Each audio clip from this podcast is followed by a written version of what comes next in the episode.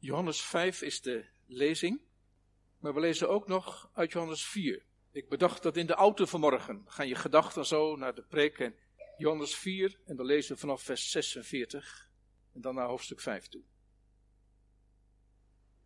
En er was een zeker koninklijke hoveling wiens zoon ziek lag in Capernaum. En toen deze hoorde dat Jezus uit Judea in Galilea was gekomen, ging hij naar hem toe en vroeg hem te komen en zijn zoon gezond te maken, want hij lag op sterven. En Jezus dan zei tegen hem, als u geen tekenen en wonderen ziet, zult u beslist niet geloven. De koninklijke hoveling zei tegen hem, Heere, kom, voordat mijn kind sterft. En Jezus zei tegen hem, ga heen, uw zoon leeft. En de man geloofde het woord dat Jezus tegen hem zei en ging heen. En reeds terwijl hij afdaalde, kwamen zijn slaven hem tegemoet en berichten hem, uw kind leeft. Hij informeerde dan bij hen naar het uur waarop de beterschap was ingetreden. En ze zeiden tegen hem, gisteren op het zevende uur is de koorts van hem geweken. En de vader dan zag in dat het op dat uur was waarop Jezus tegen hem gezegd had, uw zoon leeft. En hij geloofde. Hij zelf en zijn hele huis. En dit deed Jezus als nieuw teken, het tweede, toen hij uit Judea in Galilea gekomen was. En hierna was er een feest van de Joden en Jezus ging naar Jeruzalem. En er is in Jeruzalem bij de schaapspoort een badwater, dat in het Hebreeuws Bethesda wordt genoemd, met vijf zuilengangen. En daarin lag een grote menigte van zieken, blinden, kreupelen en verlamden. En die wachten op de beroering van het water. Want een engel daalde van tijd tot tijd neer in het water en bracht het water in beweging. En wie dan het eerst daarin kwam, na de beweging van het water, werd gezond, aan welke ziekte hij ook leed. En daar was een man, die al 38 jaar ziek was. En Jezus zag hem liggen. Omdat hij wist dat hij al lange tijd ziek was, zei hij tegen hem: Wilt u gezond worden? De zieke antwoordde hem: Mijn heer, ik heb geen mens die om mij in het badwater te werpen wanneer het water in beroering gebracht wordt. En terwijl ik kom, daalt een ander voor mij af. En Jezus zei tegen hem, sta op, neem uw lichtmat op en ga lopen. En meteen werd de man gezond, nam zijn lichtmat op en ging lopen. En het was Sabbat op die dag. En de Joden dan zeiden tegen hem, die genezen was, het is Sabbat. Het is u niet geoorloofd de lichtmat te dragen. En hij antwoordde hun, die mij gezond gemaakt heeft, die heeft tegen mij gezegd, neem uw lichtmat op en ga lopen. En ze vroegen hem dan, wie is de mens die u gezegd heeft? neem uw lichtmat op en ga lopen. En die genezen was, wist niet wie het was, want Jezus had zich ongemerkt verwijderd, omdat er een menigte was op die plaats. En daarna vond Jezus hem in de tempel en zei tegen hem, zie, u bent gezond geworden, zondig niet meer, opdat u niet iets ergers overkomt. De man ging weg en berichtte de Joden dat het Jezus was die hem gezond gemaakt had. En daarom vervolgden de Joden Jezus en probeerden ze hem te doden, omdat hij deze dingen op de Sabbat deed. Maar Jezus antwoordde hun: Mijn vader werkt tot nu toe en ik werk ook. Daarom dan probeerden de Joden des te meer hem te doden, omdat hij niet alleen het gebod van de Sabbat brak, maar ook zei dat God zijn eigen vader was. En daarmee zichzelf aan God gelijk maakte. Tot hier de schriftlezing. U kunt de tekstwoorden vinden in Johannes 5, in vers 6 en 7. En dan deze woorden. Jezus zag hem liggen. Vers 7. En de zieke antwoordde hem, mijn Heer, ik heb geen mens.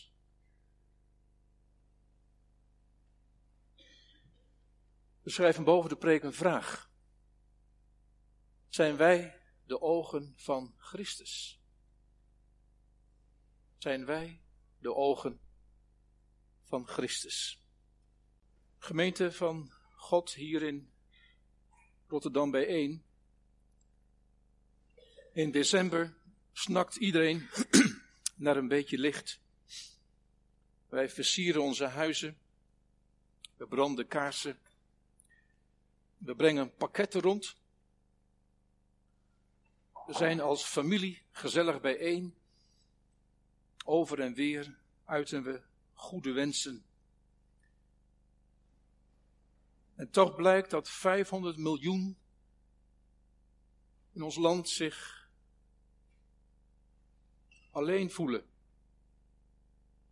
Hoe kan dat? Ons land is een van de meest dichtstbevolkte gebieden van de wereld. Zou dit zijn? Een, een doorgeslagen individualisering? Je kent de ander niet meer. De anonimiteit neemt toe.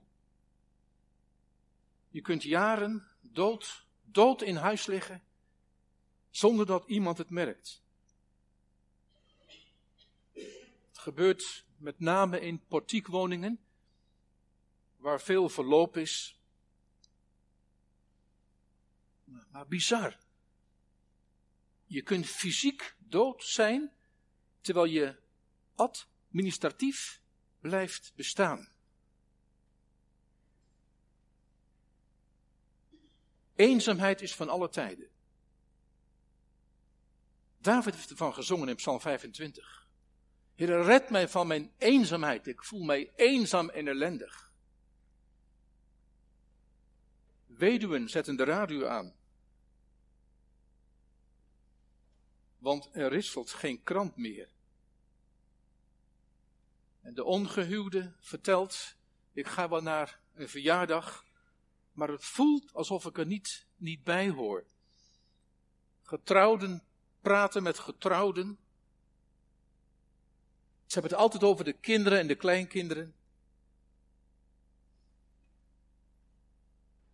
Maar ook in je huwelijk wordt eenzaamheid ervaren. Wanneer je als man en vrouw elkaar niet begrijpt. Ook jullie jongens en meisjes, ook jullie kennen eenzaamheid. Jij wordt misschien nooit gevraagd op een feestje.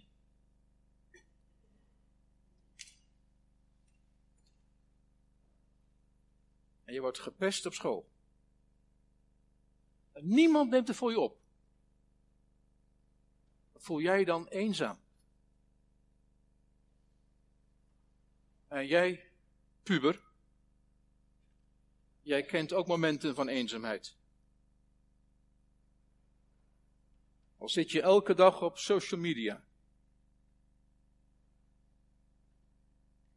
Heb je honderden Facebook-vrienden.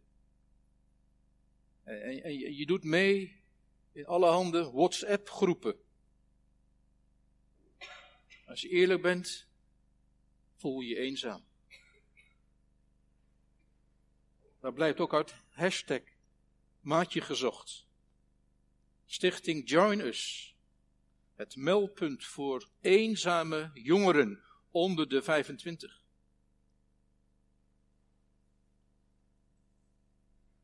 Er zijn er die, die elke dag, 365 dagen per jaar, die in een isolement verkeren. Dit leidt nogal eens tot zelfmoord. Gelukkig is er ook een positieve eenzaamheid. Je zoekt bewuste stilte. In een maatschappij van zoveel prikkels en met zoveel deadlines. Ik zeg, je zoekt bewust de stilte. Lukt dat nog vandaag? Kan, kan een verloren zoon nog tot zichzelf komen? Ik ben bang van niet. Want overal is wifi. Zelfs in de varkenstal. Wie, wie komt er nog tot rust? Wie heeft er nog tijd om te bidden? we kennen elkaar niet. Heeft u vanmorgen tijd gevonden om alleen met God te zijn?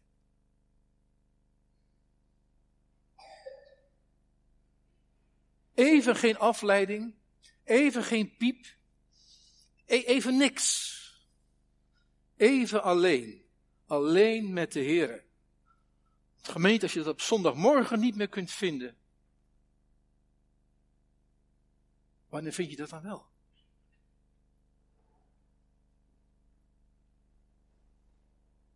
Heb jij daar ook zo'n behoefte aan?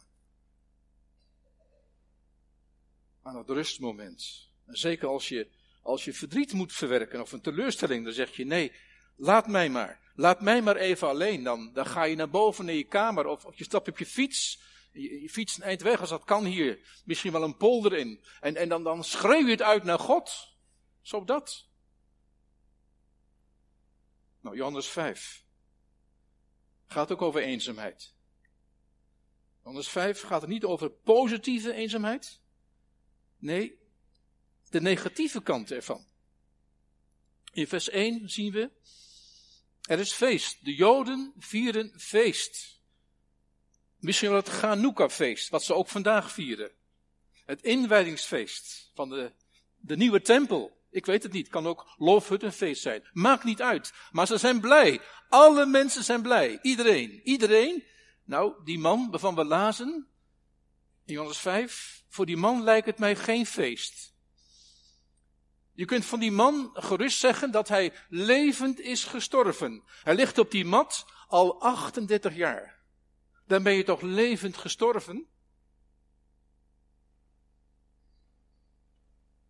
Jongens en meisjes, als je, als, je, als je gezond bent, als je je gezond voelt, kun je daar niks bij voorstellen, ik ook niet. Maar deze man is patiënt. Wij noemen een patiënt een, een zieke. En, dan wordt de zieke vereenzelvigd met, met zijn ziekte. Je, als je ziek wordt, behoor je ineens tot een, tot een doelgroep. Je, je staat, je staat in, in, in de kerkbode of de nieuwsbrief ineens vermeld onder het kopje pastoralia of zo. Je staat vermeld onder de zieken. We moeten ook als, als dominees oppassen. Hoe gauw je onpersoonlijk bidt, ook in de voorbeden, dan zeggen we, heren, wilt u, wilt u de zieken gedenken? Maar een zieke heeft een gezicht. Een zieke heeft gevoel. Een zieke is een mens met emotie. We lezen vers 5. Preektekst. En daar was een, een man het is met man vertaald, dit mag ook vertalen met mens. Anthropos is mens, maar het was een man. In Bethesda, het wemelt er van zieke mensen. Kijk u maar in vers 3. Er lag een grote menigte van zieken, blinden, kreupelen en verlamden. Een eindje verder is de tovervijver. Althans, volgens het Joodse bijgeloof. Af en toe gaat het water golven, net als een tropisch zwembad. En, en wat, wat er precies gebeurt, dat weten we niet. We weten van vers 4, want een engel daalde van tijd tot tijd neer in het badwater. Het water krijgt, krijgt een, een, een natuurlijke, nee, een bovennatuurlijke geneeskrachtige werking. Lees ook in vers 4. Wie dan het eerst daarin kwam, na de beweging van het water, werd gezond. Aan welke ziekte hij ook leed. Het gaat vanmorgen natuurlijk niet over dat bijgeloof van de Joden. Het draait in de schrift om iets heel anders. En nog best lastig om ook daar de kern uit te halen vanmorgen. Maar al lezen denk ik toch dat het gaat in dit Bijbelgedeelte om, om het contrast. Het gaat hier in dit, in dit stuk om, om, om de tegenstelling. De stelling tussen het huis van barmhartigheid en de roep ik heb geen mens, vers 7. Die tegenstelling. In het huis van barmhartigheid daar is een man die ligt al 38 jaar lang op zijn mat. En hij zegt, ik heb geen mens. Zou er niemand zijn die deze man wil helpen? Hebben anderen nooit eens gedacht, hij ligt hier al zo lang, zullen, zullen we hem voor laten gaan? Nee, ook in Bethesda heerst het recht van de sterkste. Ieder voor zich. Heeft die man geen familie? Geen vrienden? Hebben ze hem opgezocht? Maar haakten ze van lieverlee af? dat is het lot van de chronische zieken. Mensen haken op de duur af. Hoezo vrienden voor het leven? Wat valt dat tegen? Als iets gaat mankeren, als het langdurig is, dan zeggen ze: ik kom je opzoeken hoor. Ik kom je opzoeken. Allemaal goed bedoeld. Maar de mensen blijven op den duur weg. Ze laten zich niet meer zien. En gelukkig, gelukkig zijn er ook vrienden die je hebt voor het leven. Vrienden door dik en dun. U kent ze ook. Maar de praktijk leert toch wel, wie hulpbehoevend wordt, die komt alleen te staan. Wie niet aan het leven deelneemt, wordt een mens zonder contacten. Dat is afschuwelijk. Je raakt geïsoleerd. Je, je, voelt, je, je voelt je ook overbodig. Dat kun je gerust zeggen van de man in Johannes 5. Wie heeft er aandacht voor hem? Jezus, kijkt u maar vers 6. Vers 6. Jezus zag hem liggen. Na 38 jaar is daar iemand, is daar een mens die deze man ziet liggen. Dat is pastoraat. Dat is pastoraat. Pastoraat is de, is de kunst van het waarnemen. Broeders en zusters, Pastoraat is scherp observeren, want niemand loopt met zijn eenzaamheid te koop. Want die emotie zit van binnen, die zit in je lijf. En, daar kun je met z'n allen keihard aan voorbij lopen. Maar we lezen van Jezus dat Jezus hem ziet. En Jezus zag hem liggen, omdat hij wist dat hij al lange tijd ziek was. Wat zo mooi is, in de grondtaal in het Grieks staat, staat het woordje deze voorop. Dan zou je kunnen zeggen, deze zag Jezus liggen. We hebben te maken met een persoonlijke God. Hij heeft oog voor u en voor u en, en, en voor jou en voor jou. Hij heeft het nooit over de zieken. Want hij kent elke zieke bij naam. En hij geeft een ieder persoonlijke aandacht. We weten van de profetie van Jesaja ook aan dezelfde lijn als Jesaja zegt, op deze zal ik zien. Op de arme en de ellendige en, en die voor mijn woord beeft. Dan zie je ook dat woordje deze terugkomen. En wat doet dan Jezus? Ja, wat doet Jezus? Die knoopt het gesprek aan. Is die man ooit aangesproken? Ik weet het niet. Maar hier lezen we in de schrift, Jezus zoekt contact. En niet neerbuigend. Vaak worden mensen met een beperking neerbuigend aangesproken en benaderd. Niet de persoon in, in de rolstoel, maar de begeleider wordt aangesproken. Wie herken je dat wel? Jezus spreekt de man zelf aan. Eindelijk iemand die zich om hem bekommert.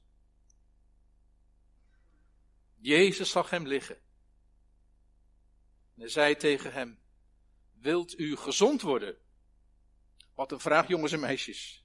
Wilt u gezond worden? Natuurlijk wil hij gezond worden. Ja, wat zou die man hebben gedacht? Ook dat weten we niet. Maar Jezus weet het wel. We lezen in de Bijbel wat die man antwoordt op die vraag. En hij antwoordt met een klacht. Dat is dan vers 7. De zieke antwoordde hem: Meneer, ik heb geen mens. Als ik me naar de vijver sleep, ben ik altijd te laat. En ik heb de hoop op genezing al lang opgegeven.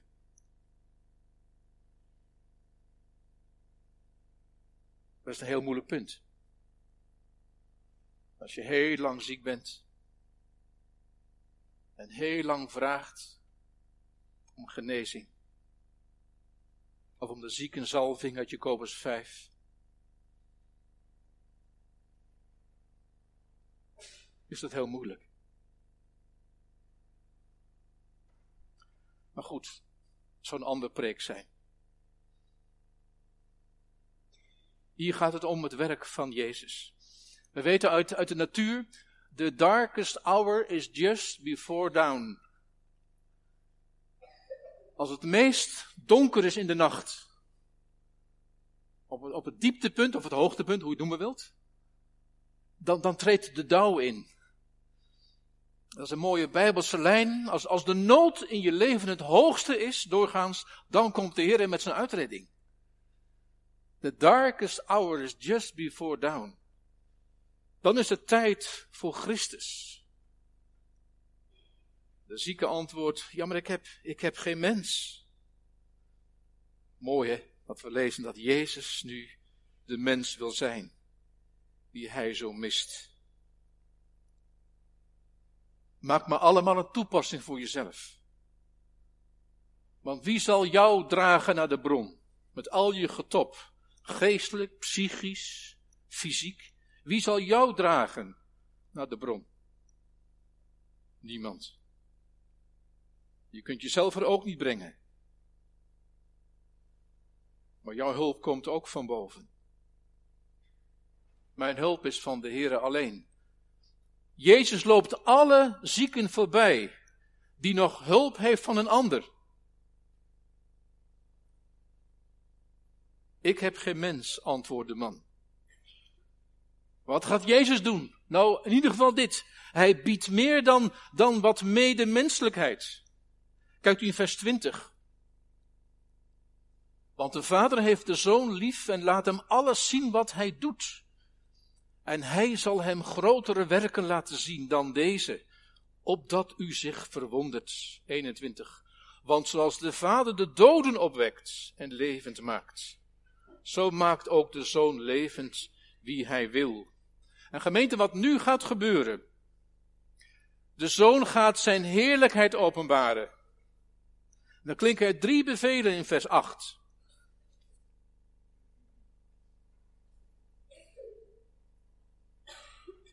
Het wonder voltrekt zich. Jezus zei tegen hem, sta op, neem uw lichtmat op en ga lopen.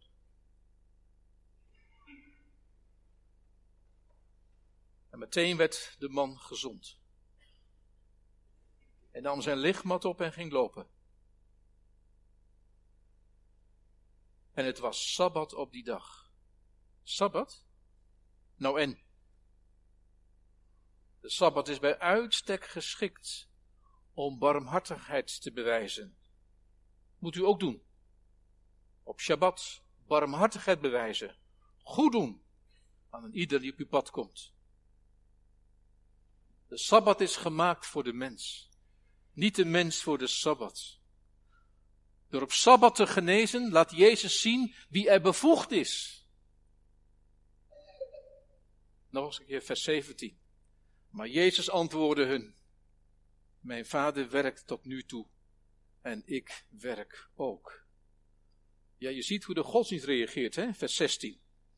Ze vervolgden hem, ze wilden hem doden, omdat hij deze dingen op de Sabbat deed. En nou die man, hoe die man op het wonder reageert, moeten we kijken. We zien hem in gedachten lopen. Het matras draagt niet meer de man, maar die man die draagt zijn, zijn matras, zijn mat. En dat is nou getuigen met de daad. Dwars ingaan tegen het Sabbatgebod. En zo gaat hij naar de tempel. Man, pas op, het is Sabbat. Je komt in de problemen. De raad zal je tot zweepslagen veroordelen. Nou en, wat maakt dat uit? Ik kan weer lopen, als God maar de eer krijgt. Loof de Heer in mijn ziel en al wat in mij is, zijn heilige naam.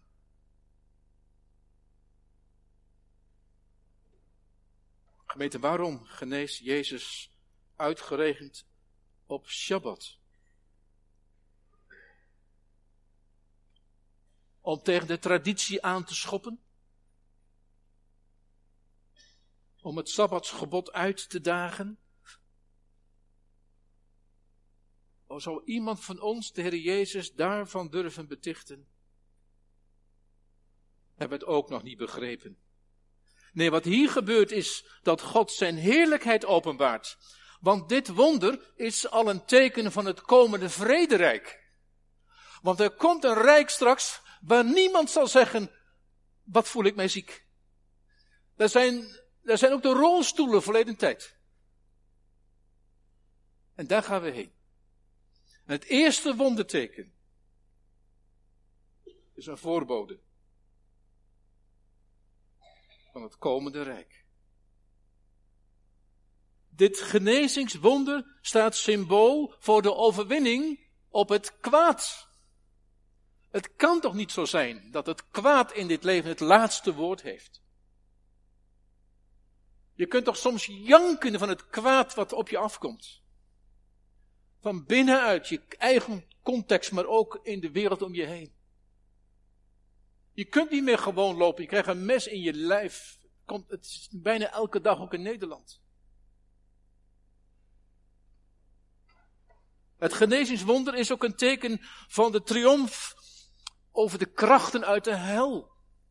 Want de krachten uit de hel zijn bezig ons weg te trekken van het woord van God. Dit genezingswonder is een teken op de overwinning van de dood. Als u vanavond hier weer met uw predikant het geloof beleidt, u wilt heel bewust doen, ik geloof de opstanding der doden.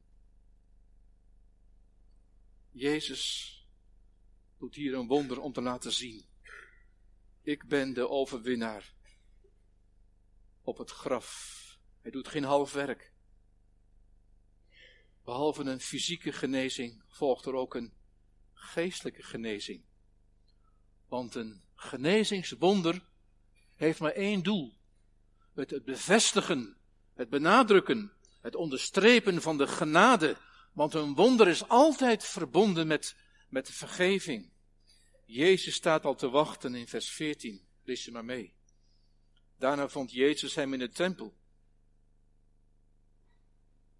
En hij zei tegen hem, zie, u bent gezond geworden. Zondig niet meer, opdat u niet iets ergens overkomt.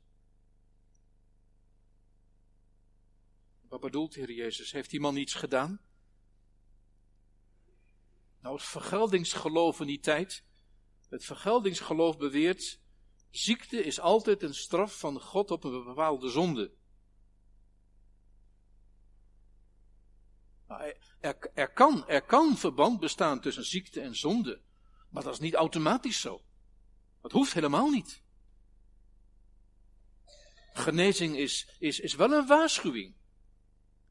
Als je geneest van een kwaal, is het altijd een grote waarschuwing voor u en voor mij.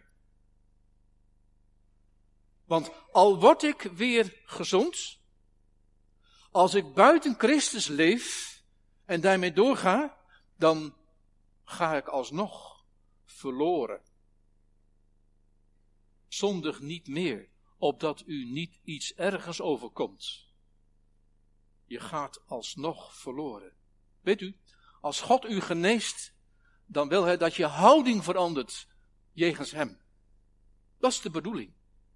Genezing heeft maar één doel, om, om je uit te drijven tot Christus. Dat, dat je vanuit Christus gaat leven. Uit, uit, dankbaarheid voor het wonder van de genezing. Maar u weet wel, dat dat gebeurt lang niet altijd. Van, van de tien melaatsen die genezen zijn, komt er eentje terug. Eentje om Jezus te bedanken. Vaak is het zo dat, dat, dat, dat zieke mensen van alles beloven. Heer, als u me beter maakt, dan, dan zal ik u dienen. Maar als ze beter zijn, gaan ze op de oude voet voort. Weg het afhankelijke leven. Weg gebedsworstelingen. Geen berouw, geen bekering, geen vertrouwen op de Heer. En ook al geen vreugde meer in God. Dus het is een heel spannend moment. Als je ziek bent en je wordt genezen, dat is een heel spannend moment. Want wat ga je daarna doen? Heeft dan de Heer je hart? Of ga je door op de oude voet? Nu deze man is genezen na 38 jaar, bestaat de kans dat hij Christus niet navolgt. Dat is wat? Erger dan zijn ziekte is zijn verdoemenis. Vandaar die waarschuwing van Jezus in vers 14. Zondig niet meer, opdat u niet iets ergers overkomt. Je kunt aan het eeuwig verderf ontkomen door je af te wenden van de zonde, door berouw te tonen, door te vluchten tot Christus, telkens en telkens weer. De man is genezen, hij kan gaan en staan waar hij wil. En zijn eenzaamheid is opgeheven. Niet de klacht, want de klacht, ik heb geen mens, wordt gehoord tot op de dag van vandaag. Vijf miljoen Nederlanders zijn stik eenzaam. Ondanks onze communicatiemiddelen. We hebben internet. Je kunt met Jan en alle man contact maken. Het leger eenzamen bereidt zich elke dag uit in Nederland. Vandaar mijn vraag die ik stelde zojuist. De vraag boven de preek. Broeders en zusters in de Heer, jullie en ik, wij zijn de ogen van Christus. Zijn wij de ogen van Christus? Dat is de vraag. Wil je die vraag ook beantwoorden voor God en je ziel? Ben ik de ogen van Christus?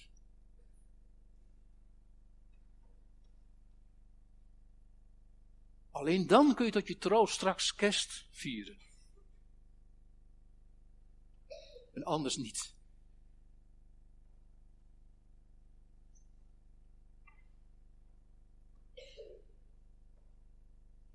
Laten we scherp observeren. Laten we om ons heen kijken. Want pastoraat is de kunst van het kijken. Laten we kijken of we iemand kunnen helpen, iemand kunnen uitnodigen, die met ons mee eet, dat we tegelijk het evangelie kunnen delen, gezelligheid kunnen bieden. Wij zijn de ogen van Christus. Want als er één is die weet hoe het voelt, ik heb geen mens, dan is het Jezus. Wij kennen allemaal de geschiedenis van Jezus. Als u tenminste een kerkmens bent. U weet dat Jezus vanuit de kribbe straks naar het kruis wordt geleid. En dan gaat hij maximale eenzaamheid beleven. Bloed, zweten, doodsangsten doorstaan en geen mens die hem helpt. Zelfs zijn vader laat hem los. Niemand die hem bijstaat. Hij schreeuwt dan aan het kruis, ik heb geen mens. Eloi, Eloi, lama sabachthani, ik heb geen mens. Vader, u hebt mij ook nog verlaten. De Joden hebben hem verlaten, de Romeinen hebben hem aan het kruis geslagen en zijn vader ook nog weg. Hij weet wat het is, hoe het voelt. Ik heb geen mens.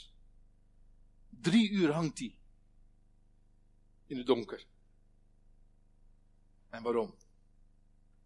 Om onze eenzaamheid weg te nemen voor goed. Dat ook mooi in het formulier van het avondmaal, opdat wij nimmer meer door hem verlaten zouden worden. Daarom, volhard. Volhard in het geloof. In het gelovig zien op Jezus. En, en vraag ook hem vandaag opnieuw. Heere Jezus, laat mij uw ogen zijn. En uw handen. En uw voeten. Heere Jezus, mag ik uw hart zijn. In die zin wens ik u een gezegend kerstfeest. En u, of jij die nog eenzaam bent, ach als je je aan Christus verbonden weet, heb je de belofte op zak. Straks is mijn eenzaamheid voorbij. Uiteindelijk wordt al mijn alleen zijn opgeheven. Soms hier al. Als de Jezus belooft, ik ben met je al de dagen, ik zal bij je zijn, tot de voleinding van de wereld. Er komt een tijd ook daarna, dat niemand meer zal zeggen, oh wat ben ik eenzaam en alleen. Zal David ook niet meer zingen in Psalm 25? Zie op mij een gunst van boven, wees mij toch genadig, Heer. Eenzaam ben ik en ellendig. Ja, de ellende drukt mij neer. Dat is allemaal voorbij. In het Nieuw Jeruzalem zal Christus alles zijn in allen. Straks nooit geen tranen meer. Nooit geen pijn. Want de eerste dingen zijn weggegaan. De grote Shabbat staat nog uit. Er blijft een rust over voor het volk van God. En binnen afzienbare tijd zullen ook wij, broers en zussen, jong en oud, altijd bij de Here zijn. Vertroost elkaar met deze woorden. Amen.